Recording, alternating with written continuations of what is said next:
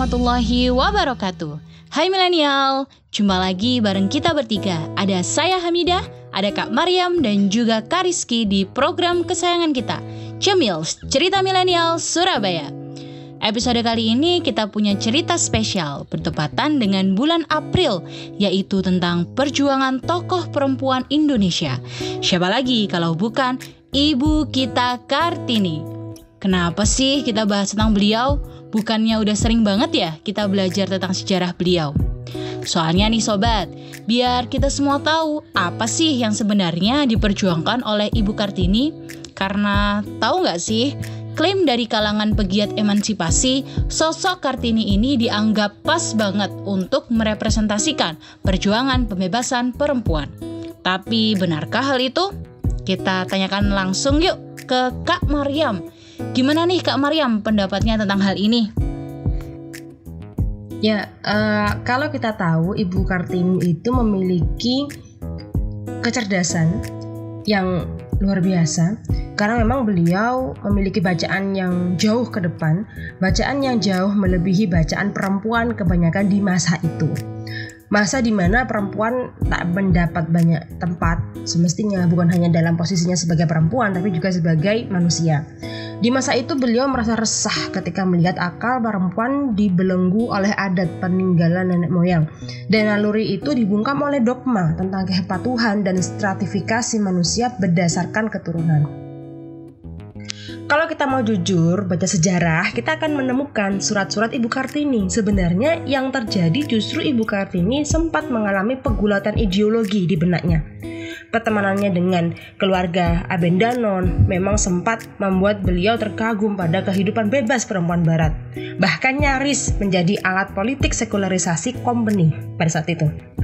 Lalu eh, persahabatannya ini juga berlanjut gitu ya dengan uh, temannya, sahabatnya bernama Stella dan dari keluarga Van Kol.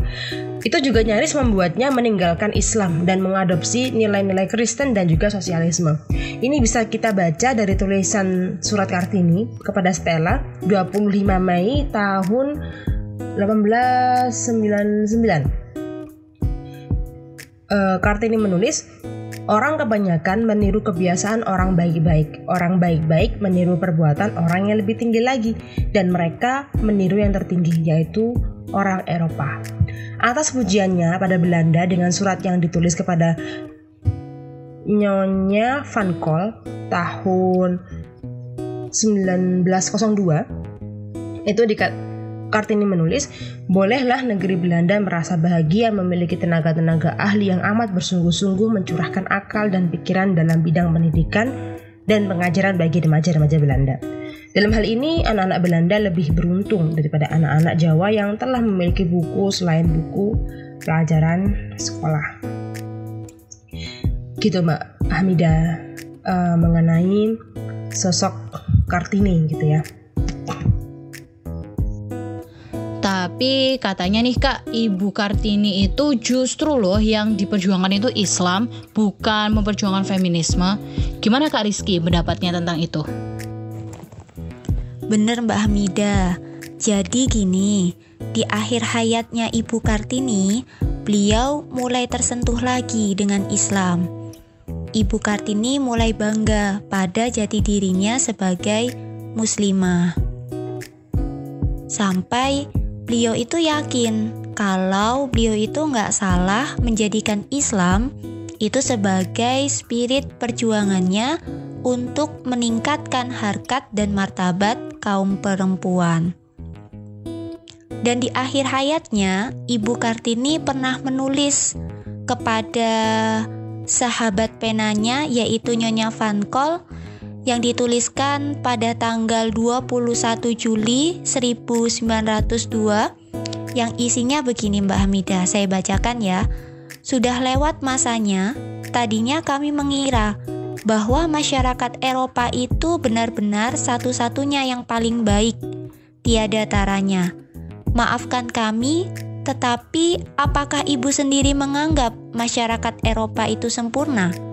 Dapatkah ibu menyangkal bahwa di balik hal-hal indah dalam masyarakat ibu terdapat banyak hal yang tidak bisa disebut sebagai peradaban. Dari situ, beliau mulai melihat persoalan perempuan dari sudut pandang Islam, bahwa beliau meyakini eh, perempuan hadir ke dunia adalah sebagai pendidik pertama, sehingga harus dididik dan dicerdaskan. Beliau juga memahami bahwasannya perempuan itu tidaklah dipandang sebagaimana adat Jawa yang pada saat itu menganggap perempuan itu bukanlah sebagai apa-apa. Akan tetapi, beliau juga nggak mau mengambil budaya barat yang memberikan kebebasan tanpa batas pada perempuan. Dan di surat-surat setelahnya yang diberikan kepada Prof. Anton dan Nyonya Anton yang dituliskan oleh Ibu Kartini pada tanggal 4 Oktober 1902, beliau menegaskan apa yang menjadi cita-cita beliau sebenarnya. Akan tetapi surat ini disembunyikan. Isi surat tersebut adalah kami di sini memohon diusahakan pengajaran dan pendidikan anak-anak perempuan. Bukan sekali-sekali karena kami menginginkan anak-anak perempuan itu menjadi saingan laki-laki dalam perjuangan hidup, tapi karena kami yakin akan pengaruhnya yang besar bagi kaum wanita agar wanita lebih cakap dalam melakukan kewajibannya. Kewajiban yang diserahkan alam secara sunatullah dalam tangannya, menjadi ibu pendidik manusia yang pertama-tama. Jadi, kalau tadi pertanyaannya di awal, benarkah Ibu Kartini menyuarakan pembebasan perempuan sebagaimana yang disuarakan oleh kaum feminisme? Dari sejarah yang kita bahas barusan, sebenarnya sudah jelas bahwa Ibu Kartini itu bukanlah ikon perjuangan emansipasi wanita atau ikonnya kesetaraan gender. Akan tetapi yang diinginkan oleh Ibu Kartini itu hanyalah menjadi wanita taat pada ketentuan Rob pencipta alam semesta. Ya, meskipun beliau itu belum sempat mempelajari ajaran Islam secara keseluruhan karena ketika beliau belum sempat menghatamkan keseluruhan isi Al-Qur'an, beliau sudah wafat terlebih dahulu di usia yang masih muda. Begitu, Mbak Hamida. Wah, jadi gitu ya fakta sejarah yang terjadi. Sebenarnya yang Ibu Kartini perjuangkan bukanlah emansipasi wanita sebagaimana yang disuarakan oleh pegiat feminisme atau kesetaraan gender. Akan tetapi yang beliau perjuangkan justru Islam, agar perempuan-perempuan muslim itu tercerdaskan dengan Islam. Ternyata kisah Ibu Kartini juga diburamkan oleh para liberal yang memusuhi Islam. Sebagai seorang muslim, kita memang harus pintar-pintar memfilter pemahaman yang ada.